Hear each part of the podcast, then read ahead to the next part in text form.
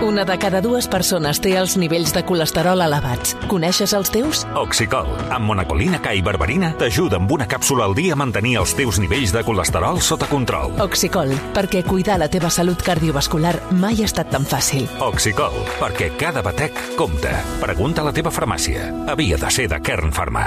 La Celi Sagarra i amb la Marta Duran aquesta setmana amb aquest llibre Expedició al sostre de vidre com a protagonistes. Més eh, coses, eh, Gemma, que hem d'explicar del món de l'ultrasports.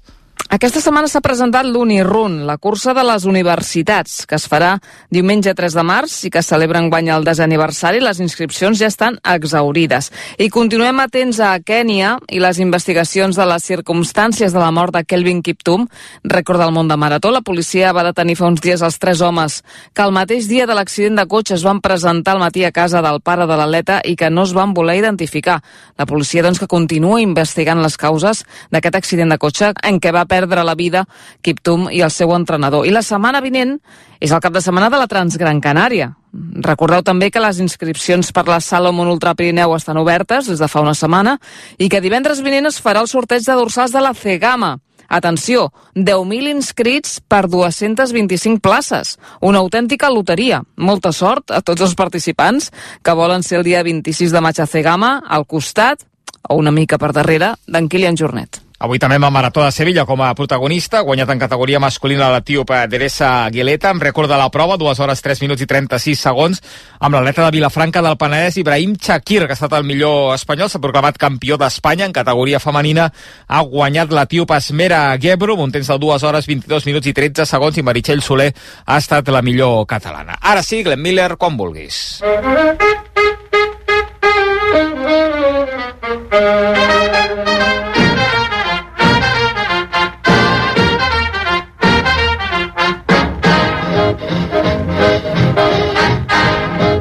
Arribem a la meta de l'Ultrasports amb el gran Miquel Pucurull, ara que falten 3 setmanes per la Marató. En Pucu vol recordar que hi va haver un moment que la Marató va desaparèixer. Amigues i amics, s'acosta la Marató de Barcelona. Pels inscrits a hores d'ara, és gairebé segur que es batrà el rècord de participació, que és de 16.194 arribats al 2017. Qui ens ho havia de dir quan fa exactament 20 anys, un dia després de la del 2004, es va anunciar que la Marató es deixava de celebrar com així va ser. La del 2005 no es va fer. El desencís que ens va suposar a molts va ser enorme, especialment perquè les notícies eren decebedores. Es deia que no es tornaria a celebrar mai més. Recordo una entrevista que l'Antoni Bas arriba a fer per la ràdio a l'alcalde de Bosch, en Joan Clos, que deia que amb el temps potser es podia tornar a fer, però per la muntanya de Collserola. A la ciutat, impossible pels problemes que significava pel trànsit. No cal dir res més. En realitat, la causa principal eren les fortes desavinences entre els organitzadors i l'Ajuntament. La Marató de Barcelona feia molts anys que no creixia i els objectius de participació no es complien de cap manera. De fet, aquell 2004 la vam córrer només 3.400. Es va suprimir. I per les baralles entre uns i altres ens vam quedar orfes de cop. Per sort, l'any 2005 va retornar, no sense que molts i moltes fessin tot el soroll possible protestant per aconseguir-ho. 20 anys fa d'aquell malson. Ara, afortunadament, les coses han canviat molt i la gaudireu prop de 20.000. Fins al cap de setmana que ve, correu o correnyeu molt. Doncs hi farem cas al Miquel Pucurull, com sempre, i la setmana que ve més Ultrasports. Gràcies, Gemma. Fins ara. Adéu-siau. Com tenim el partit de primera, Albert? Doncs som a l'afegit de la primera meitat. És una primera meitat molt moguda, de moment amb, només amb un gol, el gol visitant, el gol de l'Almeria, Granada 0, Almeria 1. Hem vist un parell de repeticions del gol anul·lat del que hauria estat el 0-2 i sembla que està ben anul·lat perquè eh, han tirat la línia i per molt poquet l'home que fa la centrada del segon al primer pal està en fora de joc Partit que s'ha anat escalfant, eh, moltes protestes, és el penúltim contra l'últim. De moment el CUE guanyant seria la primera victòria de la temporada de l'Almeria. Queda molt encara, 48 de la primera, arribarem al 50 Granada 0, Almeria 1. A segona, tampoc encara no hi ha descans, a punt d'arribar eh, tant al Leganés, al camp del Leganés, a Butarque, com al camp del Racing del Ferrol. Sí, mira, Butarque ara mateix xiula l'àrbitre en victòria local, victòria del líder, Leganés 1, Alcorcón 0 i eh, encara sense gols, a punt d'arribar al descans, Racing del Ferrol 0, Llevant 0. A la Lliga Femenina guanya el Real Madrid 1-0 contra el Tenerife al minut eh, 48. En futbol internacional, com tenim el partit del Brighton, a Molló s'ha acabat? Sí, s'ha acabat ara mateix amb una maneta. Sheffield United 0, Brighton 5, aprofitant que des del primer quart d'hora ha jugat amb 10 el Sheffield per l'expulsió justa de Holgate.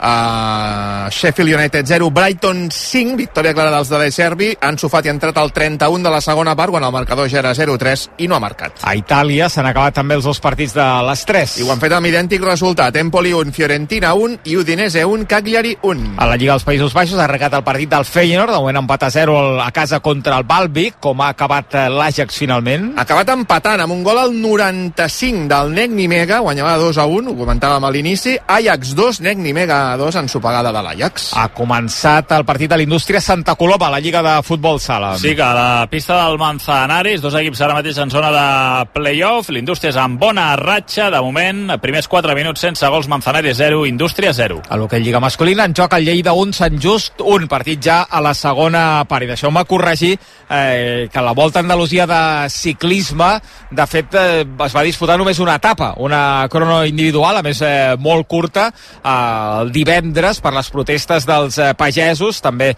a la zona d'Andalusia, eh, la Guàrdia Civil i les autoritats eh, policials no podien eh, eh, controlar eh, la volta ciclista, la celebració d'aquesta prova, i per tant es va haver de cancel·lar gairebé tota la seva extensió, només amb aquesta contrarrellotge individual, que és la que va acabar disputant-se i la que va acabar-li donant aquesta victòria, però diríem que d'una manera un punt eh, pírrica en el belga Van Gils eh, per davant de Ayuso, que és qui va acabar segon en aquesta crono de 5 quilòmetres. Eh, per tant, eh, Van Gils, que és el guanyador, entre cometes, d'aquesta volta a Andalusia, absolutament eh, capada. 5 i 6, pausa... Mira, que s'ha acabat la final del 50 esquena, on teníem el balear Hugo González. Sí, Albert. ha acabat sisè. Uh, sortia pel carril 2, uh, no tenia de les millors uh, marques de la final, però ha acabat com a mínim un top 6 a la final del 50 esquena al Balear que eh, deixarà aquest eh, Mundial amb un or i una plata pendents, això sí, també del 4% estils en què Espanya eh, ha de disputar la final. I imaginem que Hugo González serà un dels eh, que competirà. Ara tornem. RAC 1 RAC 1 Ricard Huguet responsable nacional dels joves d'Unió de Pagesos. Per què ha de ser una cosa tan bucòlica, una cosa tan folclòrica de que, oh, és que ha triat fer-se pagès, coi, i per què ha triat fer-se uh, lampista, o per què ha triat treballar uh, en una oficina, coi, doncs perquè ha volgut, no? Doncs aquest igual, és a dir, no ha de ser una cosa llunyana de la, de la realitat de la societat, coi, doncs clar, ho vaig triar, per què? Perquè m'agrada, perquè ho vaig triar així, com un altre ofici. Versió RAC 1 cada tarda de 3 a 8 amb Toni Clapés. RAC 1 tots som 1. Escolta, descarrega, comparteix. Perquè tot el que passa a RAC1... Continguts, imatges, xarxes socials... Passa per rac1.cat. El portal de notícies de RAC1. RAC1. Mireu qui m'he trobat aquí. No feu soroll. Escolteu. Escolteu bé. Napoli, Napoli, Napoli, forza Napoli, Napoli, Napoli. Oh, Dimecres, a les 9, des de les 8 a RAC1, vuitens de la Champions, el Diego Armando Maradona. Fot-li pou, amb el suport de CaixaBank i Estrella d'Am. RAC 1. Bon dia a tothom, són les 7. M'encanta que torturis a Xavier Bundó. No tens, no tens la capacitat de, tortura, de torturar. De torturar, nana. No vols que et torturarem? En Xavier Bundó. No em torturris. Hem pensat al senyor que podem vendre el format a França. Sí, sí. Il·lustre, execrable. Evidentment nosaltres ho podíem fer perquè si nosaltres ja ens embarbussem. Sí, sí. Parlant en català. Tenim 17 prepucis de Jesús. No, home, no. Inclús es va fer una ordre dels cavallers del Sant Prepuci. Els dissabtes i diumenges de 7 a 2, Via Lliure, amb Xavi Bundó. Hi ha coses que passen només al cap de setmana. RAC 1. Tots som 1. Superesports, amb Xavi Puig. Pocket full of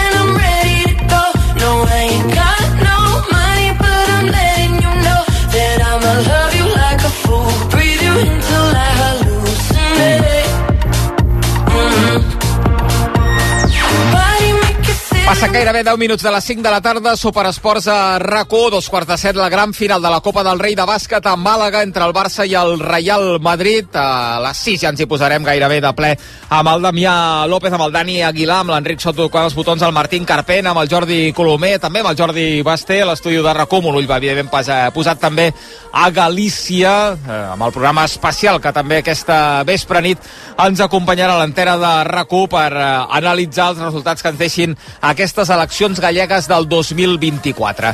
Aquesta setmana s'han lliurat els premis de la revista Gigantes, revista del món del bàsquet, amb la que hem crescut unes quantes eh, generacions. El Premi Gigantes Superación aquest any ha estat per la jugadora de l'Espar Uni Girona, Ainhoa López, a qui li van detectar un càncer a principis del 2022, un eh, linfoma de Hodgkin, càncer que va superar. L'Ainhoa, de fet, feia aquest discurs d'agraïment quan rebia el premi.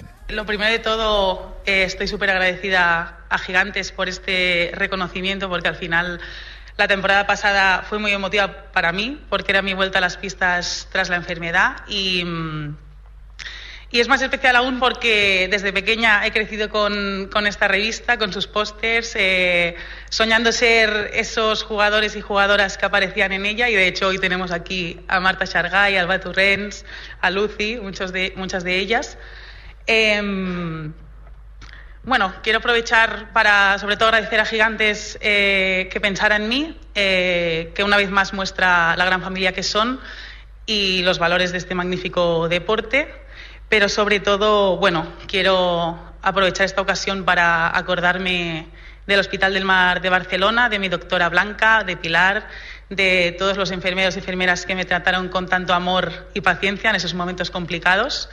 Al final, como deportista, tengo ese altavoz, ¿no? Y desde un primer momento quise mm, darle naturalidad a una situación complicada, porque al final muchas familias eh, lo viven en silencio y creo que es importante, pues, dar ese valor, ¿no? Sobre todo a, la sanidad pública que, que tenemos y, y sobre todo la importancia de darle los recursos que, que necesitan y necesitamos todos y todas.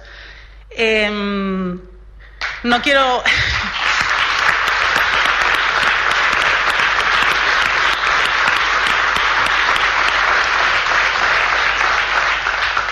No quiero mm, olvidarme de mi familia, eh, mi pareja de aquel entonces, porque al final creo que también es muy importante contar con esas figuras de apoyo en esos momentos. Y para mí fueron indispensables y fuimos uno. Y también todas esas personas que me apoyaron y mis amistades que siempre están. Eh, también, como se ha visto en las imágenes, ¿no? Eh, me acuerdo mucho de, de mi de mi equipo de aquel entonces, del Barça CBS. Al final lo he dicho mucho que nos retroalimentábamos en todas, porque yo luchaba en ese momento por querer volver con ellas cuanto antes y ellas luchaban en pista por mí y no puedo olvidar ese maravilloso ascenso que vivimos todas juntas. Em, no quiero dejarme a nadie y, y bueno, lo último que, em, que quiero añadir, lo voy a decir en catalán si me permitís, és bueno, donar les gràcies també a l'Uni Girona, que és el meu actual club. Saben les ganes que tinc de disfrutar, de, de jugar, de donar-ho tot i estic molt contenta de vestir aquests colors de nou i crec que ens esperen grans coses i bueno, muchas gracias a todo, gracias a, a Gigantes de nuevo y felicidades a todos los premiados hoy.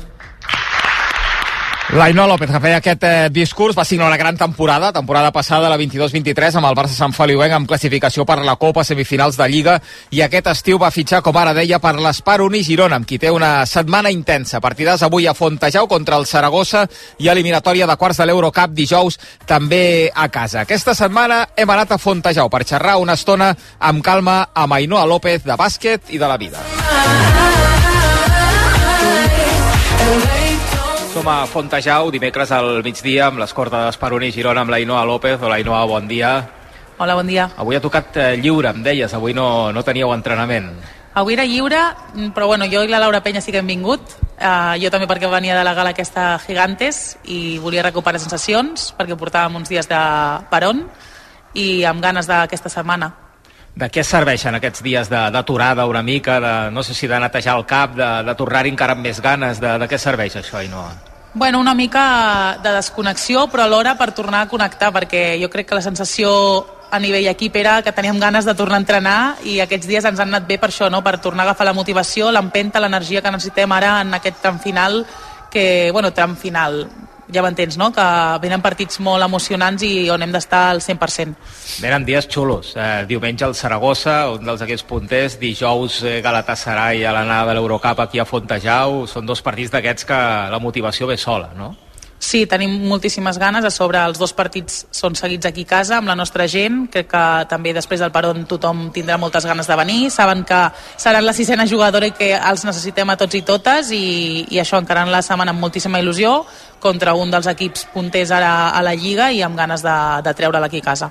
Això com funciona del Galatasaray, per exemple? Ja heu vist alguna cosa o, o encara no? O es va molt per ordre?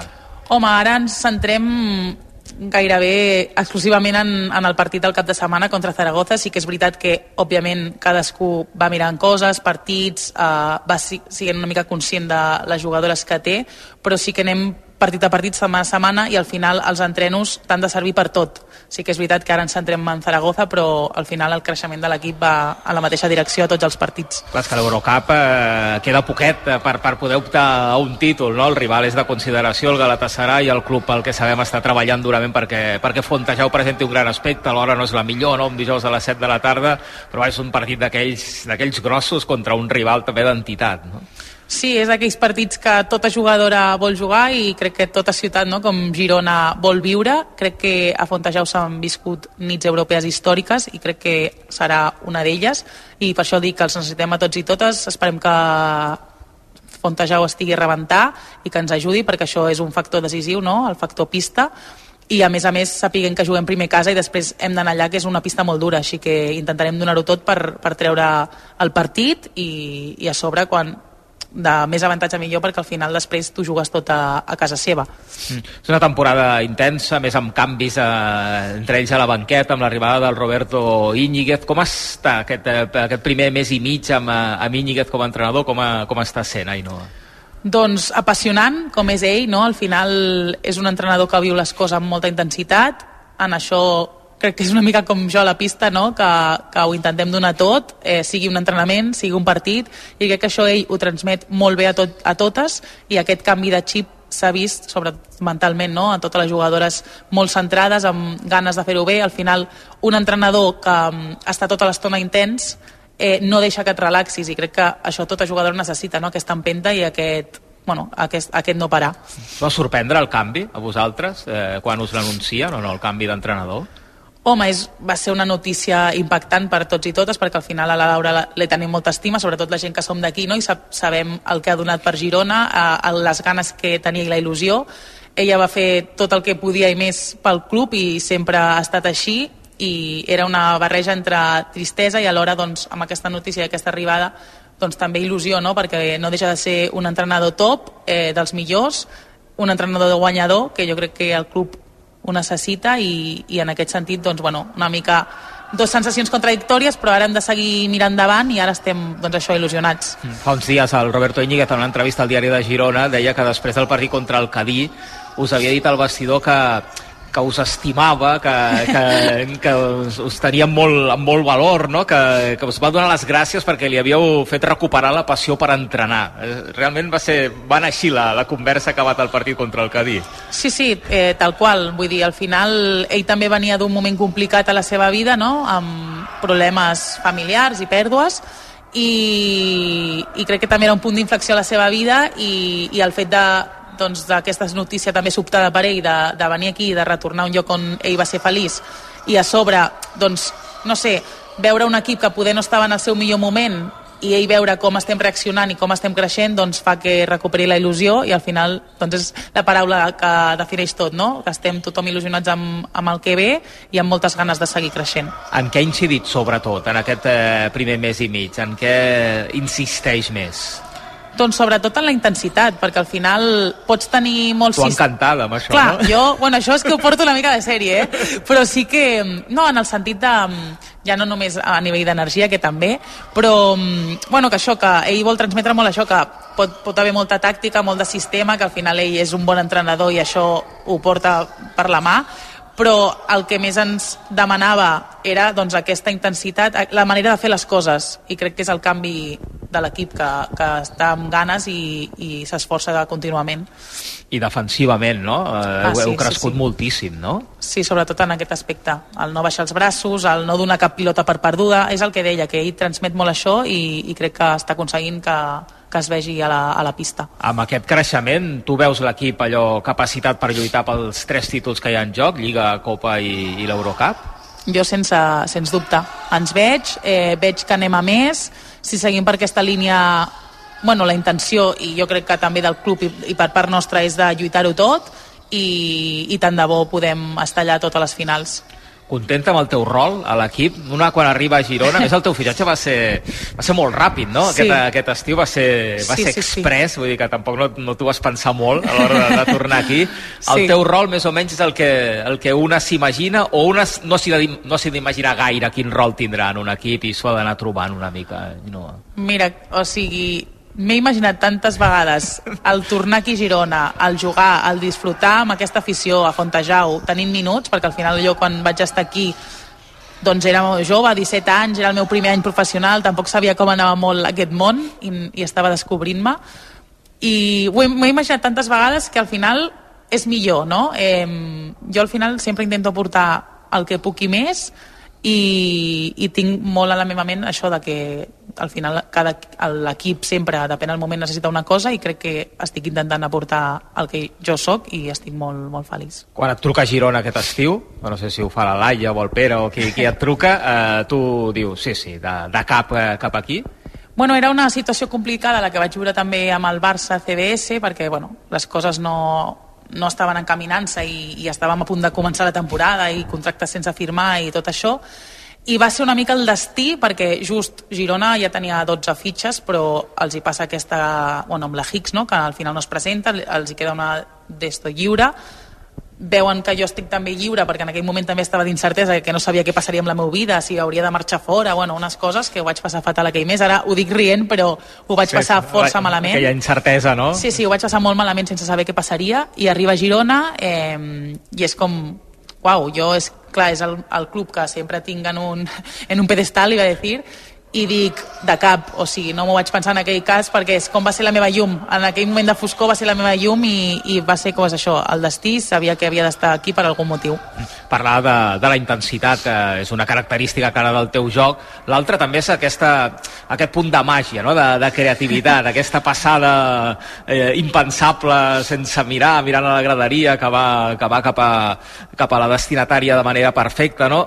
Que no sé d'on et ve. Clar, jo que sóc eh, molt més vell que tu, a mi em porta a recordar Magic Johnson moltes vegades quan et veig, no? De, de dir, hosti, és com si hagués vist molts vídeos de, de Magic, però d'on et ve aquesta, aquest voler també que la gent s'ho passi bé a la pista? Bueno, òbviament he vist mil vídeos de Màgic o altres jugadors no, que ho feien molt. Puc dir-te una que tenim ben a prop, com la Lea Palau, que també feia Sí. sí. passes màgics i he crescut veient-la. No sé, al final jo sóc una tia molt alegre i crec que a la pista és que també això es veu i, i és com que m'ho passo bé jugant a bàsquet i poder... És, o sigui, aquests passes realment és sense pensar-ho molt, o sigui, és el que em surt i al final m'agrada fer disfrutar el públic perquè jo disfruto jugant. Els entrenadors i entrenadores com porten aquest punt de, de màgia, de, Bueno, de bogeria, de A creativitat? veure, alguna bronca m'emporto, això també és veritat, però és el que dic, que a vegades, clar, ho faig inconscient, i aleshores sí que... No, o sigui, tampoc és que digui, ai, m'he de controlar, no?, perquè al final és la meva essència i crec que la gent li agrada, però sí que a vegades poder aquesta energia l'he de saber dosificar i, com vaig dir fa res a una entrevista, que a vegades sóc una mica loqui, però bueno, ja va bé a vegades, no? I després aquest somriure, no? Que no sé si estàs fart que tots destaquem, no? De dir, hosti, aquesta, aquesta alegria que sempre transmets a la pista o fora de la pista. Hi ha una fotografia de eh, l'última revista d'aquestes que, que el club eh, reparteix entre els aficionats que entren a Fontejau, de tu abraçant a la Irati Echarri el dia que torna després d'una cistella d'ella, que, hòstia, eh, transmet una, una alegria i una, i una sinceritat aquella fotografia que, que és una mica com, com vius tu el bàsquet, no? I no? O no? Mira, és com visc el bàsquet i la vida, o sigui, no sé, també amb el que he passat és com que vaig fer un canvi de xip brutal i, i tot ho disfruto al doble. Eh, sigui la més mínima cosa eh, la disfruto i per exemple això de l'Airati bueno, què vols que et digui, al final he vist tot el seu procés des de que sóc aquí i era com que m'alegrava moltíssim de que a sobre el primer bàsquet que va fer el fes d'aquella manera i, i bueno, les dues hem passat per molt i bueno, va ser com natural no? que ho celebrés així Ai, doncs això vau passar per molt. Eh, acabes de rebre el Premi Gigante Superació aquesta setmana en la gala de la revista Gigantes, eh, després que, de superar un càncer que et van detectar el, a principis del, del 2022, un linfoma de, de Hodgkin, en el discurs, vaja, en recordaves de la família, evidentment, dels, eh, dels equips, de com et va ajudar el Barça Sant Feliuenc, de ara l'Uni Girona, i sobretot també de la sanitat pública. Vas parlar molt de la sanitat pública i de com hem de donar suport a la sanitat pública, de la doctora Blanca, entre d'altres, de les infermeres. Sí. Et senties en deute de- de- de- d'haver-ho de, de fer, això, i no en aquest discurs. Sí, perquè al final és normal, no? Quan passes una situació així, tothom et veu com... Bueno, et diu, ets molt valenta i tal, i jo, doncs, el que internament pensava era, realment, els meus herois, no?, han estat tots el personal sanitari i la nostra sanitat pública, que és veritat que crec que l'hem de tenir més en consideració i a vegades és trist, perquè a mi també m'ha passat, però fins que no et passen coses així de dolentes, no veus la realitat i no ets conscient de la sort que tenim de tenir-la i crec que doncs, hem d'incidir més en, en això, més recursos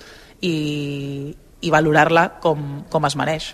Bé, els que esteu en una esfera pública, no? cadascú això ho porta com, ho- com ho porta. Vull dir que si no haguessis volgut dir res eh, Sí. durant la teva malaltia, doncs tothom, eh, tothom ho entendria, no? Però suposo que els que esteu en una esfera pública, hosti, quan, ho- quan ho feu visible, ara fa unes, unes setmanes parlàvem amb el Nani Roma, també, pilot de cotxes, que també li van detectar un, un càncer de, de bufet ara fa, fa ja al- alguns mesos, i també destacava això, no? el paper dels sanitaris. Hosti, els, la gent que està en una esfera pública, això també ajuda, no?, per, per la gent més anònima que està patint casos com el vostre. Sí, de fet ho vaig també mencionar, no?, el discurs que, que a vegades doncs, jo, bueno, a vegades no, em vaig veure no?, amb, la, amb la necessitat o la responsabilitat, digues, digueu com vulguis, no?, de, del ser un, una esportista, tenir aquest altaveu no?, i aquesta visibilitat que altres persones no tenen i com dius, no?, hi ha moltes famílies, moltíssimes persones que viuen aquesta malaltia i altres en silenci i crec que és important doncs, això que si tenim aquest altaveu el fem servir doncs, per, un, per animar, per donar doncs, un, un mirall no? on, on veure's, poder algú està passant per una situació així i veu com jo me n'he sortit i això també és positiu o, o s'adreça a mi perquè parlo amb bastantes persones que han passat per això com a mi em va passar, no? que altres esportistes es van posar en contacte amb mi i em van ajudar moltíssim així que per això em vaig veure com una mica en deute de, de, de fer-ho La doctora Blanca o la Pilar, qui citaves en aquest discurs de Gigantes, han vingut a veure't eh, jugar o, o no? No, encara no, però perquè són persones que treballen tant que al final és una mica no impossible, però bueno, la veritat és que em faria moltíssima il·lusió i, i ja els hi diré a veure si es poden escapar i venir a veure'm. Clar, perquè és d'aquelles notícies que un, una mai es pensa que et tocarà a tu, no? Eh, Mm. de dir, hosti, jo que m'entreno cada dia, no? Sí, que, sí. que estic eh, forta com un roure, eh, què m'ha d'arribar un càncer a mi amb 24 anys, Clar. no? Sí, per això també mm, quan ho vaig fer una mica quan vaig transmetre i vaig explicar el que tenia era una mica el que volia transmetre de, de dir ostres, que li pot passar a tothom al final és una loteria. Jo estava bé entrenant, jugant a, a, com- a competint i en aquell moment és que no em trobava malament. I et pot passar i, i és això que tothom jo crec que és important doncs que qualsevol cosa que es noti que no és normal en ell o en ella en el seu cos mirar-ho i no deixar-ho passar Hi ha un punt d'incredulitat al principi, fins i tot, eh, ahir no, de dir, Sí. no, no, a veure, mirem-nos-ho bé, això, a veure si, si realment és això. No, literal que... Bueno, jo vaig anar a fer-me el TAC i, quan, i em van dir aquell mateix dia vine demà pel matí, que jo pensava, vale, alguna cosa ja han vist, perquè tampoc és molt normal que t'avisin de- Tan ràpid, no? tan ràpid. I quan m'ho van dir i em van transmetre el que tenia, el doctor que hi havia allà davant, que ara mateix no me'n recordo ni el seu nom, però li vaig dir que m'ensenyés el tag, en plan, m'ho pots ensenyar? O sigui, en aquell moment estava en xoc, que no m'ho creia, i li deia, però si jo estic perfectament, i, i ell em deia, bueno, te l'ensenyo si vols, però sí, sí, al final és com que fins que no ho acceptes eh, és el moment inicial de xoc de, de bueno, és que has d'acceptar aquesta realitat i, des, i, i encarar-la com puguis, i és que és el que vaig intentar fer. Abans deies, eh, dius, jo, a mi també em va ajudar gent, no? Gent que Sí. havia passat per situacions eh, similars. Tu vas, eh, vas contactar o van contactar elles amb tu, Carla Suárez, no? Virginia Sí. Torrecilla... Les dues van contactar amb mi i la veritat que en el cas de la Carla em va servir moltíssim perquè és que era el mateix tipus de càncer, un linfoma de Hodgkin. En el cas de la Virginia, doncs, em va servir com una motivació portada a l'extrem perquè el seu cas, eh, que era un tumor cerebral, doncs era molt més impactant i heavy i aleshores, bueno, entre les dues eh, em van servir de molta ajuda perquè al final comparteixes una mica experiències, sí que és veritat que és el mateix que jo transmeto ara, no?, a altres persones que es posen en contacte amb mi i altres famílies, que cada cas és únic i, i a tu et sentaran unes coses d'una manera o una altra, però al final també t'ajuda una mica a tenir un esquema mental del que pot passar. Formar part d'un equip, és a dir, treballar en, en un equip de bàsquet, eh, per dir-ho d'alguna manera, creus que també, que també et va ajudar? Clar, jo pensava, no?, quan preparava l'entrevista, de dir, és diferent a, el tio o la tia que se'n va a una fàbrica a posar un tap en una ampolla que gairebé la seva relació és zero amb, amb la gent que té al costat, no? Eh, ser d'una família, com aquell qui diu, no? d'un sí. equip de bàsquet ajuda, creus, a, a superar situacions com la que has viscut o no? Sens dubte, al final és que aquest fet ens va unir inclús més. De fet, estàvem lluitant per un ascens, a portar una temporada brillant totes, i aquest fet, no sé, a vegades jo te'n deixo molt a pensar, com he dit abans, no? amb el fitxatge aquest de l'Uni, que tot passa per algun motiu i crec que també aquesta notícia, tot i ser tan dolenta, va passar també per, a, per aquest motiu, no? per unir-nos més.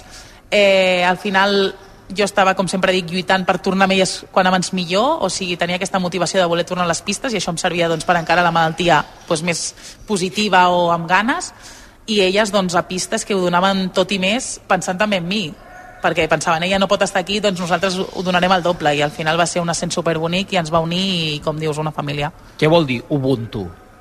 Doncs Ubuntu és un lema que, que significa una mica això, no? que mm, tot el que dones és pel grup, eh, tot el que sents, eh, bueno, que al final tu no ets res sense el grup, no? És una mica l'essència no, de- d'un equip, perquè per molt que tu facis individualment, sense el grup no ets res, i era una mica el, que, bueno, el lema que vam agafar amb això que em passava a mi, no? que totes érem una i totes anàvem a una. Potser hauria d'haver començat per aquí. Com estàs ara, Ainhoa? És a dir, estàs com el desembre del 21, del 2021, abans que et detectessin eh, el càncer? Físicament tu et trobes eh, igual? Estic millor. Millor. Estic molt millor, al final és una evolució, fa res ho vaig dir, no va, ja han passat dos anys de que em vam diagnosticar, un any i algo de la remissió completa, vaig a més, ja no és millor, no parlo de físicament, eh? parlo mentalment, sóc una altra persona, no sóc la Inoa d'abans, això és brutal. Al final no és que agraeixi haver, haver tingut això, perquè és una cosa molt dolenta, però alhora sí per, pel que sóc ara, no? Crec que si no, no tindria aquesta mentalitat i aquesta manera de viure tan intensa com la tinc ara, i estic en un bon moment, molt bon moment meu, i a sobre veig com que vaig a més i és el que més m'agrada. I amb controls periòdics, mèdicament parlant, o no? O està sí, sí, bueno, absolutament això oblidat? lògicament s'ha s'ha d'anar fent. Cada cop, al principi era cada 3 mesos, ara ja cada 6, després serà cada any i després, òbviament, ja no m'hauré de fer, però això és una cosa essencial que s'ha de fer i que la veritat és que estic contenta de fer-ho perquè et deixa tranquil. Quan et pots posar aquella samarreta de Stronger Than Cancer, eh, que em sembla que, que te la dona la, la Carla Suárez, Sí. el 8 de juliol del, del 22, quan hi ha aquesta remissió, eh, és complicat d'explicar què sents aquell dia, aquella, aquella consulta de dir s'ha acabat, això?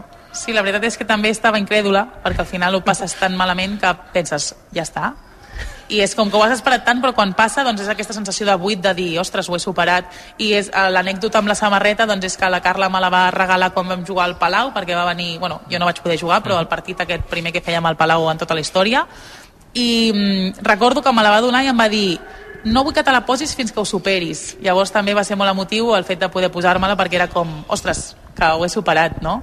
Així que, bueno, és una sensació única i que no, no puc ni descriure de lo que sentia en aquell moment. Els metges t'haurien dit, home, no es creu ni quan li detectem, ni no s'ho creu ara tampoc quan li diem que ja està, que ja no està creu superat. res, no es creu res. No, sí, perquè al final era un no creure de dir molt fort tot el que he viscut i era com, bueno, aquí estic, començar de nou. Al final la vida és començar les vegades que faci falta i així em sentia. Físicament vas patir molt o no durant tot aquest procés, eh, amb la quimio, amb el tractament?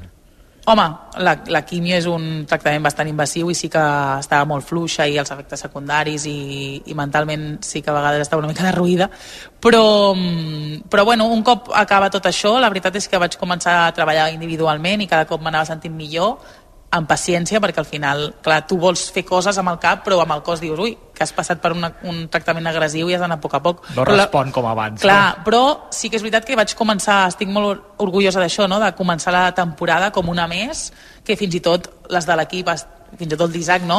em miraven i deia, ostres, poder no s'imaginaven que, que arribés d'aquesta forma física, però perquè jo també sóc molt competitiva i en quan m'han donat l'alta, jo tot l'estiu allà treballant perquè no volia sentir-me menys, volia sentir doncs, com, a, com el que era, no? ara una persona normal, no? sense, sense malaltia i que podia fer vida normal.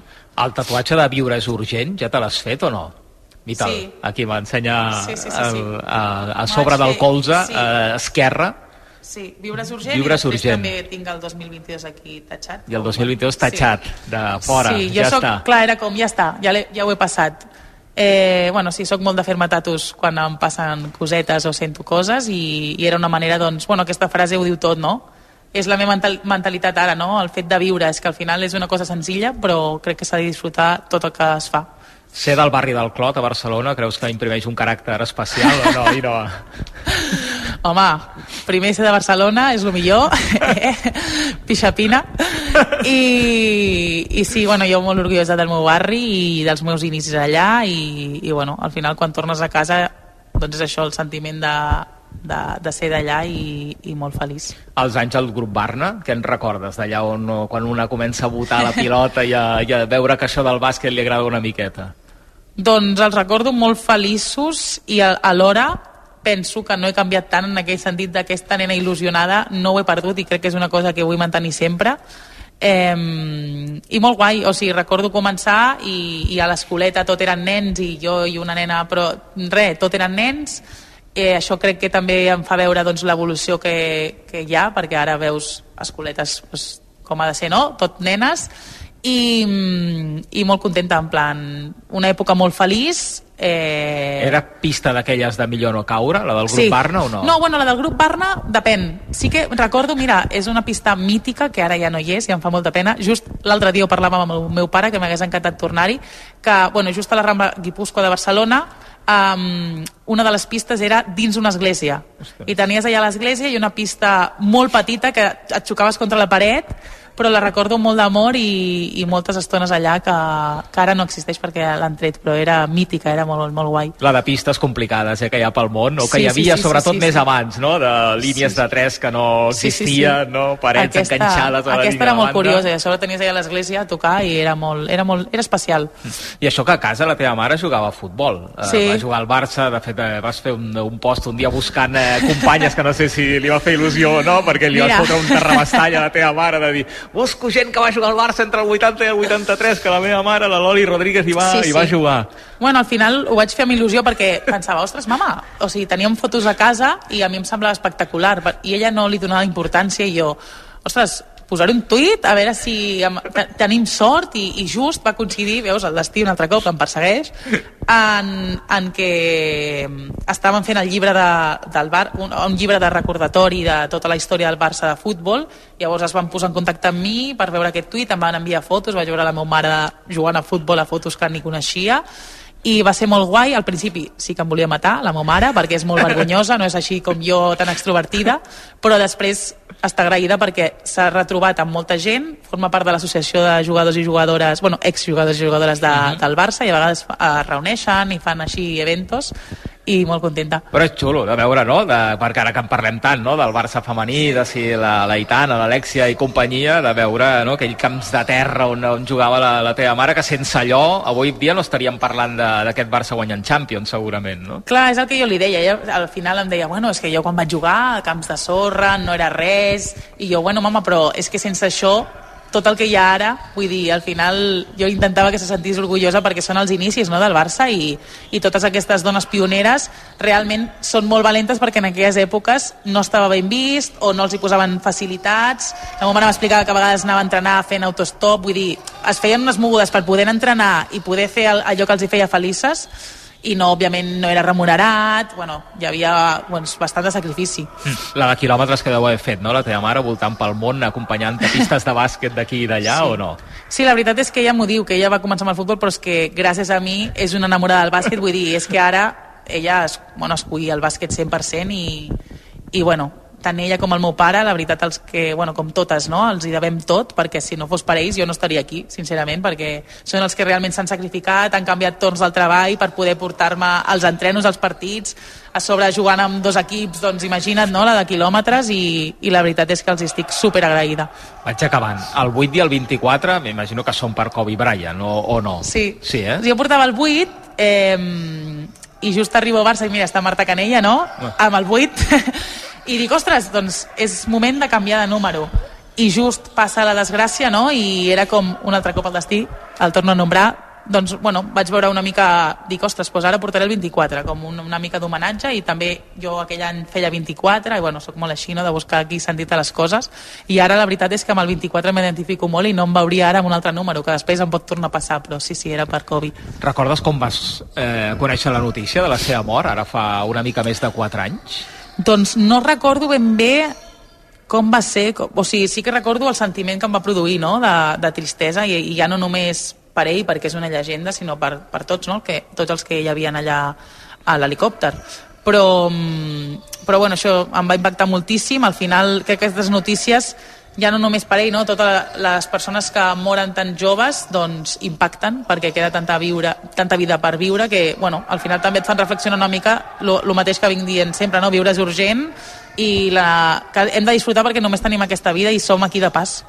Setmana de reconeixement de Gigantes, la setmana també després de la classificació de la selecció espanyola pels Jocs Olímpics de, de París, penjaves una foto, feies un retuit a una foto on es veuen una abraçada de Laia Palau i Alba Torrents després de la classificació i et fixaves en la mirada tu d'elles, Sí. de, aquells ulls plorosos Sí, sí. de gent que ho ha guanyat absolutament tot i de la il·lusió que tenien per haver-se classificat, la Laia ja a l'estaf i la- l'Alba continuant jugant per, per uns altres Jocs Olímpics, no? Això que deies tu de... Estic, el bàsquet és això, no? Ha de ser Sí. això, el bàsquet, no? Clar, no, no perdre aquesta il·lusió. A mi em va fascinar veure la foto, em va emocionar moltíssim, perquè veig allà la Laia, a la- a l'Alba, no? gent tan referent, que han guanyat tantes coses que ni, ni les podem nombrar ara mateix perquè no acabaríem. I era com, ostres, vull aspirar això, no? al fet de no deixar d'il- d'il·lusionar-te per cada repte que, que tens i de fet vaig enviar-li la foto tant a la Laia com a, com a l'Alba i, i les dues, bueno, l'Alba a sobre la vaig veure a la gala Gigantes que no m'ho esperava però ja em va dir com que jo l'havia emocionat el doble al dir-li això, no? I, I bueno, les dues són un encant de persones, tinc ara la sort de conèixer-les quan sempre les he idolatrat i, i això em va transmetre molt i crec que, que ho diu tot la imatge. Els Jocs de París, no? Els descartes del tot o 3x3 A o veure. 5x5 eh, d'alguna de les dues modalitats? Eh, A veure, és- veus opcions o no? És molt difícil, o sigui, hem de ser realistes, però lògicament tota jugadora ho somia i vamos, que si, que si em cridessin no, em faltarien cames, no per anar com aquell qui diu, vull dir, al final qui diu que no a, a això, així que bueno, jo estic molt contenta amb, amb totes les jugadores que ens representen, em sento molt ben representada per totes, a sobre moltes són de la meva generació i és com que em sento el doble d'orgullosa per elles. I, i bueno, lògicament eh, totes, no? Jo crec que treballem per, per seguir creixent, en el meu cas pues això, intento anar més sempre i ojalà tant de bo algun dia m'arribi una trucada i si no seguiré treballant perquè al final no s'acaba tot aquí però clar, òbviament és un somni i una aspiració que tothom té. Les dues últimes. La poesia t'ajuda a concentrar-te abans dels partits o és per altres moments, la, la poesia? Uh, és per altres És per moments. altres moments, sí, eh? perquè sóc molt intensa i, i si escric, doncs... Però bueno, bueno. és escriure-la i llegir-la, eh? Les Clar, dues les dues coses, coses. Sí, sí, sí, sí, sí. eh? I publicar-la, no? Això de moment no, mira que tinc ami- amistats que, que, que m'ho diuen, no? en plan que algun dia hauria de, de fer un llibre, però de moment no m'atreveixo, perquè és molt personal, però bueno, algun dia segurament teniu algun llibret de poesia per mi. Has escrit del que t'ha passat o no? De, de, la, de la malaltia? Hi ha de tot, poemes, de sí, tot el que també, em passa. Eh, sí. sobre això. Sí, és, en general és quan m'inspiro per alguna cosa que em passa, així que sí. I l'última, quina cançó sonarà sí o sí el dia que celebreu el títol de Lliga amb, amb l'Uni Girona? Quina cançó ha de, ha de sonar sí o sí en una festa allò grossa, Mira, grossa? la que ha de sonar sí o sí és el nostre himne perquè és preciós i cada cop que surto a pista és que no puc parar de cantar-lo i, i m'emociona i no sé, al final que soni la cançó que, que soni, ho disfrutarem i, i ho viurem al màxim.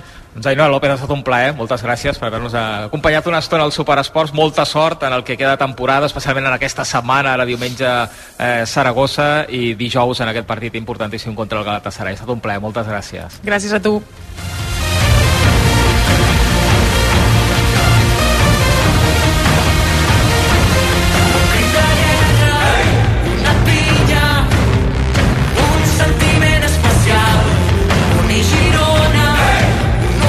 Un minut i tres quarts de sis de la tarda la conversa que manteníem aquesta setmana amb la Inoa López. De fet, d'aquí poca estona sonarà aquest himne a la Fontejau perquè quan passin 10 minuts de les 6 jugarà l'Esparun i Girona contra el Saragossa, partit de la Lliga Femenina.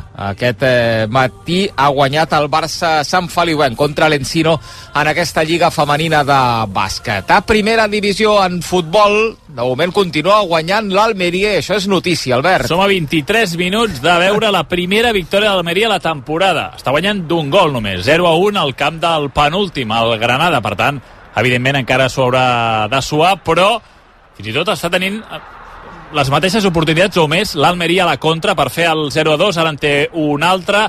0 a 1 el gol a la primera meitat al 67 de partit. A segona divisió com tenim els dos partits en joc. Doncs el líder gairebé ha sentenciat el seu maig, està guanyant 2 a 0 el Leganés a casa contra l'Alcorcón, queden 18 minuts pel final i també a 20 eh, pel final continua el 0-0 entre el Racing del Ferrol i el Llevant. En futbol internacional tenim jugant el United des de dos quarts de sis, partit de la Premier, al camp del Luton. Partit molt mogut, 14 de la primera part, Luton 1, Manchester United 2, dos gols de Hoylund, els primers 6 minuts ja era Morris escurçat diferències pel Luton, veia ara que eh, el Hoylund es converteix en el futbolista més jove a marcar 6 pa en 6 no partits tinc, eh? consecutius a la Premier. Per tant, uh, Hoylund fent uh, història en aquest, uh, en aquest últim mes a, a la Premier mostrant-se molt en forma. Tenim jugat també el Bayern de Múnich a Alemanya, Mollom. I també està guanyant, acaba de marcar ara Musiala. Bochum 0, Bayern de Múnich 1. El 15 de la primera part es mantindria a 5 punts del líder, el Bayern Leverkusen. A la Lliga Femenina, empatant a un el Real Madrid contra el Tenerife. A la Lliga F tenim l'Indústria Santa Coloma jugant partit de la primera divisió de futbol sala. Sí, de moment la primera meitat molt, molt fluixa de l'Indústria, és que està perdent el descans 3 a 0 a la pista del Manzanares. I tenim també partit de l'hoquei Lliga masculina en marxa, la recta final, de moment en victòria del Sant Just a la pista del Lleida per 1 a 2. Una pausa i ara tornem. Superesports amb Xavi Puig. Escolteu-me bé, vols vendre el teu cotxe? Vols una bona oferta? Oblidar-te de la paperassa i tranquil·litat? Comprem el seu cotxe.cat. Necessites vendre el cotxe ràpid i a un preu de mercat? Comprem el seu cotxe.cat. Perquè la millor solució a l'hora de vendre el teu vehicle és a comprem el seu cotxe.cat. I perquè som de confiança, som d'aquí! Estàs buscant una moto? A Motos Balar t'ho posem fàcil. Visita'ns i descobreix la nostra àmplia gamma de motos Piaggio, Vespa, Aprilia i Moto Guzzi. Ara som més a prop teu que mai. Noves instal·lacions a Barcelona o carrer Calvet 49. I també, com sempre, a Barcelona o carrer Còrsega 201. I a l'Hospitalet Avinguda Isabel la Catòlica 4. Motosbalar.com Toc, toc, te n'has assabentat? Arriben els Suzuki Days. Tres dies de descomptes exclusius a la gamma Suzuki. Què? Doncs això, fins a 6.500 euros de descompte en vehicles en estoc i un bo de 500 euros de descompte addicional. Estrena Suzuki a preu imbatible. Imbatible! Suzuki Days, 21, 22 i 23 de febrer. Consulten les condicions a la xarxa de concessionaris Suzuki de Catalunya. Romauto vol estar molt a prop teu i a partir d'ara Romauto i Mares Mòbil s'uneixen per ser líders en atenció al client de Nissan a Molins de Rei, Barcelona, Mataró i Blanes. Et convidem a Romauto a conèixer els nostres models Qashqai i X-Trail electrificats amb tecnologia e-Power. No esperis més i condueix el teu e-Power a Romauto. Més informació a romautonissan.com RAC 1 Descobreix la bellesa de les illes gregues el nord d'Europa amb MSC Cruceros. 8 dies amb tot inclòs i vols des de Barcelona. O visita la Mediterrània amb embarcament a la ciutat a partir de 823 euros per persona. Reserva a msccruceros.es o a la teva agència de viatges. MSC Cruceros, un viatge cap a la bellesa. Si tens un principi de vista cansada o cataractes, a l'Institut Oftalmològic 3 Torres et donem la solució amb l'última tecnologia, el làser Catalis. Ràpid, segur i còmode. No t'ho pensis més. Vine i demana la primera visita informativa. Truca al 900 842 848 o entra a iott.net. RAC1.cat Recupereu tot el que sona a RAC1 a RAC1.cat. El portal de notícies de RAC1. Superesports, amb Xavi Puig. 11 minuts i les 6 a dos quarts de set, gran final, un clàssic a, a la final de la Copa del Rei de bàsquet a Màlaga, el Martín Carpena entre el Barça i el Real Madrid. Anem cap allà, ja dins del pavelló, el Damià López i el Dani Aguilar. Hola, Damià, bona tarda. Què tal, Xavi? Bona tarda. Ets un protagonista, Damià. I tant, amb el, amb el directiu del Barça, responsable de, de la secció, Josep Cubells, que porta uns dies ja aquí. Senyor Cubells, què tal? Bona tarda. Hola, molt bona tarda. Bé, per Màlaga aquests dies, sí, no? Ja amb l'equip a la final. Doncs sí, la veritat és que estem fantàstics, amb, bueno, amb, dos, eh, amb dos partits, un més sofert que l'altre, però amb un equip que jo crec que, bueno, que va creixent i que va agafant un estat eh, perfecte per arribar a aquesta final. Quines sensacions de cara a la final eh, que es juga d'aquí una estona? Home, juguem contra, una, co- contra un gr- grandiós equip que a dia d'avui és l'actual campió d'Europa, uh, però nosaltres tenim un equip uh, fantàstic que va creixent, que és un equip que va de, que ha anat de, de menys a més i que la veritat és que les sensacions i el joc que està creant doncs que crea molta il·lusió i per tant eh, tinc totes les confiances eh, dipositades en, en els nostres jugadors i en el nostre entrenador. En el món de l'esport, guanyar o perdre, en el món eh, d'elit, guanyar o perdre, ho, ho marca tot, no? Però creu que avui és d'aquells dies en què s'ha de valorar la trajectòria de l'equip i el bàsquet que s'està fent, més enllà que es guanyi o que es perdi avui, o no? Sí, com tu bé deies, eh, evidentment nosaltres venim aquí i venim a guanyar. Uh, però sí, el, sí, el que sí que és cert i s'ha de posar en valor sempre és que estem entre els millors, estem entre els dos millors. I això s'ha aconseguit d'una manera que no només és guanyar-hi, sinó com ho fas, i ho hem, hem fet d'una manera doncs, jugant bé, amb espectacle, i de fet això també ens ha comportat una cosa molt important pel nostre club i pel bàsquet, que és que molts seguidors, més seguidors que mai, ens han seguit en aquesta final. Això li anava a dir. Eh, el Barça, l'afició blaugrana està en minoria avui. Direm que hi ha més o menys el mateix nombre de seguidors del Barça i del Madrid, però han de fer doble feina perquè aquí a Màlaga es respira més, més madridisme, com a mínim a la grada. És una tasca complicada, no? Home, doncs sí, la veritat és que nosaltres gairebé un miler de, de, de seguidors blaugrana els tenim aquí. El que sí que és cert i s'ha vist en cada partit amb molta energia, amb moltes ganes d'animar l'equip, animant amb força, donant aquest sisè jugador que és el que ens dona la nostra afició i evidentment eh, sempre normalment a les coves del rei depenent d'on juguis eh, estem en minoria. Però bueno, jo crec que som una mica com l'Astèrix Obèlix a la Gàlia eh, estem allà forts i ho aconseguirem amb, amb, tota la, les, bueno, amb totes les nostres forces que ens dona i que ens transporta el nostre club. Per últim, Josep, eh, tenim aquí el president, a, a Joan Laporta, us heu vist, heu estat dinant. No sé si algun missatge, tenint en compte la situació complicada del club, de l'equip de futbol, encara que ahir es va guanyar 1-2 al camp del Celta, però a nivell de bàsquet, eh, alguna cosa en especial que, que us hagi dit el president? Bé, el president està també il·lusionat en el projecte de bàsquet d'enguany i, bueno, i per això ha vingut. Ha vingut, eh, s'ha desplaçat fet, eh, a Vigo, Barcelona, Barcelona a Màlaga, i hem estat dinant, i hem estat departint, parlant de bàsquet, hem parlat també de la minicopa, que sortosament doncs, el nostre equip doncs, ha vençut en el Madrid, i d'una forma també doncs, esperançadora, atès que, que nosaltres, com bé saps, la Masia és un factor eh, important, i bé, eh, ara, ara apareixerà pel, ja pel, perquè ha anat un moment a l'hotel i ara apareixerà directament aquí a, en el Martín Carpena això també amb, les, amb totes les ganes Gràcies, Josep, molta sort i aviam si al final eh, podem felicitar-lo eh, amb una victòria de, de l'equip. Tant de bo. Gràcies. Moltes gràcies. Gràcies a Josep Cubells, directiu responsable de la secció, que eh, deia Xavi doncs, que Joan Laporta apareixerà per la llotja, on es podrà saludar amb Florentino Pérez, eh? el president del Madrid, de qui era una incògnita el, el, el que faria avui. Eh, finalment doncs, no ha assistit a Vallecas, al partit de, de l'equip de futbol, contra el Rayo Vallecano i mig per sorpresa doncs, ha aparegut aquest migdia eh, aquí a, a Torremolinos a, a l'hotel oficial de, de l'ACB ha dinat amb, amb la seva gent i ara doncs, es veurà amb, amb Joan Laporta abans o poc després que hagi començat el, el partit, en definitiva es veurà amb, amb la porta amb qui l'uneixen diversos assumptes eh, d'interès que tenen a veure amb, amb el futbol, amb la UEFA, amb la FIFA, etc etc. Doncs a la llotja veurem si asseguts un al costat de l'altre, Joan Laporta, Florentino Pérez, avui el Martín eh, Carpena, de ben segur que ens ho explicaran el Dani i el Damià des d'allà. Damià, gràcies, fins ara. Gràcies. A gol a primera, Albert. Ha marcat el Granada que empata gol d'Ausuni, aprofitant també una errada en sortida de pilota de l'Almeria, passada llarga, guanyant l'esquena de la defensa i el davanter del Granada no falla, empata el partit, queda un quart d'hora més l'afegit, Granada 1, Almeria 1. Pol Prats, hola, bona tarda. Bona tarda. Ens actualitzem al Superesports, per on vols començar? Doncs comencem a Galícia perquè la participació a les eleccions gallegues es dispara. A les 5 de la tarda ja superava el 49%, quan ara fa 4 anys no arribava al 43%. Això augura una participació molt alta i és precisament això, aquesta participació alta, que ho fien tot les esquerres per intentar fer el sorpasso al Partit Popular. Enviat especial de RAC1 a Santiago de Compostela, Jordi Armenteres, bona tarda. Sí, bona tarda. Participació que ara mateix frega nivells de rècord.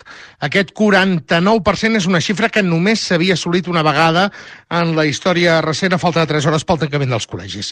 Una pujada que és transversal a tots els territoris. Si hem de buscar el detall, Lugo i Ourense, on el PP va guanyar per més del 50% de vots el 2020, l'increment és del 8 i el 7 i mig. A Corunya i Pontevedra, on el PP, tot i guanyar, ho fa de manera no tan clara, l'increment és del 5,70. Les esquerres sostenen que si s'arriba al 65% de participació hi pot haver partida per esgarrapar el govern de la Junta al PP. Queden poc més de dues hores amb els col·legis oberts. A les 8 del vespre enquesta de la televisió pública i s'espera que cap a quarts de 10 hi hagi resultats bastant definitius. I fem un cop d'ull al trànsit perquè a aquesta hora es comencen a formar les primeres cues de l'operació tornada d'aquest diumenge. Servei Català de Trànsit, Marta Carbó. Aquesta hora veiem aturades a l'autopista P7 a Sant Sadurní i a Martorell en sentit Barcelona, també al tram de la Roca del Vallès en direcció a la capital catalana, i a la C16 diversos trams de retencions tant a Guardiola de Berguedà com entre Cercs i Berga en sentit sud. A la C55 també hi ha aturades a Castellbell i al Vilar i també retencions a la C17 a Ripoll i a la C14 a Pont. I un últim apunt, Josep Borrell fa una crida a augmentar la capacitat militar de la Unió Europea. El cap de la diplomàcia europea ho ha dit a Munic en la clausura de la conferència de seguretat. A Europa venim d'una llarga temporada de desarmament silenciós. A poc a poc hem anat perdent capacitat militar. Ara està creixent. En un any, un 40%. Però no és suficient. No serem capaços de jugar un rol geopolític si no som capaços de defensar-nos. Borrell ho ha dit després d'alertar que s'acosta una llarga temporada de conflictes, especialment per l'amenaça que suposa Rússia. Gràcies, Pol. Fins ara. Fins ara. Miquel Agut, hola, bona tarda. Bona tarda, Xavi Puig. Demà a les 9 partides a Sant Mamés, Atlètic de Bilbao, Girona. Avui ha estat dia de, de prèvia. Hem escoltat eh, Mitchell. Quines baixes té, si és que les ha explicat eh, Mitchell al Girona pel partit de demà, Miquel? Bé, la de Jan Couto per sanció, la de David López i Toni Villa, que encara no estan disponibles per jugar, tot i que ja s'entrenen amb la resta de companys, gairebé al mateix ritme, i el dubte de Blin, perquè eh, sembla, vaja, sembla no, té un cop al peu, això ha dit Mitchell, que no ha estat gaire explícit pel que fa a la lesió del jugador neerlandès i que l'ha deixat com a dubte de cara al partit de demà ell, Mitchell, també es baixa d'alguna manera perquè complirà el segon partit de sanció després de l'expulsió contra la Reial Societat. Serà a Bilbao, naturalment, però no a la banqueta, sinó en alguna llotja des de la qual dirigirà el partit. És un cap de setmana, Xavi, una mica estrany des d'aquest punt de vista de prèvia, perquè el Girona en els desplaçaments sol fer les rodes de premsa dos dies abans de viatjar, però en aquesta ocasió viatja demà, o sigui, no viatja la vigília, que seria avui, i no dona la convocatòria avui, que és el que fan sempre quan se'n van convocatòria o abans de la roda de premsa, sinó que la donaran demà. O sigui que, vaja, mm, jo no descartaria alguna novetat, però demà sortirem de dubtes pels vols del migdia. I què ha explicat eh, Mitchell, més enllà de, del tema de lesionats i de la infermeria, del partit, de la classificació, de les opcions de Champions, que diu el tècnic del Girona? Doncs mira, el Girona que és segon, l'Atlètic de Bilbao cinquè, o sigui que els bascos són els primers que poden apartar el Girona de la zona de Lliga de Campions. Ara mateix els separen 10 punts i diu Mitchell que demà sortiran a jugar sense cap mena de pressió. no hi ha pressió per, eh, per ser un partit eh, d'un rival directe perquè tenim 14 partits encara i, i penso que, que nosaltres tenim una molt bona posició per anar a Europa però hem de continuar eh, guanyant partits i el, la pressió de- d'estar a dalt és una molt bona pressió per nosaltres. Serà un partit molt exigent contra el millor local de la categoria, diu Mitchell. De fet, només van perdre la jornada inaugural contra el Madrid per 0 a 2 i després no ho han tornat a fer al seu estadi, que demà estarà ple com un ou. Diu el tècnic que l'Atlètic de Bilbao serà un rival duríssim en una jornada com aquesta, però que no es planteja la derrota. Penso en guanyar, no penso en perdre i ni, ni penso en, la, en, en què, va, què dirà la gent eh, si l'equip eh, perdrà altra, altra vegada. Segur que de fora eh, diran que el Girona eh, s'ha desinflat, no? més o menys, però em preocupa zero perquè per mi el més important és el rendiment i és el dia a dia. I és clar, si hi ha victòria gironina, la diferència seria de 13 punts amb l'Atlètic Club de Bilbao, cosa que voldria dir 5 partits de marge amb el primer rival que el podria apartar de la Lliga de Campions, quan en quedarien 13 en joc. Mitchell reconeix que una victòria deixaria el Girona gairebé amb la Lliga de Campions a tocar. I si som capaços de, de guanyar en Sant Mamés, a l'Atlètic, tenint la sensació que, que Champions és un objectiu més a pro de lo que està fent l'equip. Serien 13 jornades i, i 13 punts al cinquè. Eh, vol dir que, que l'equip estaria en, en, en un objectiu, penso, més a pro de Champions. Més a prop de Champions, eh, diu Mitchell, si demà el, el Girona és capaç d'aconseguir la victòria, 13 punts en 13 jornades, hauria de perdre, vaja, hauria de, de recuperar l'Atlètic Club, eh, si li volgués prendre aquest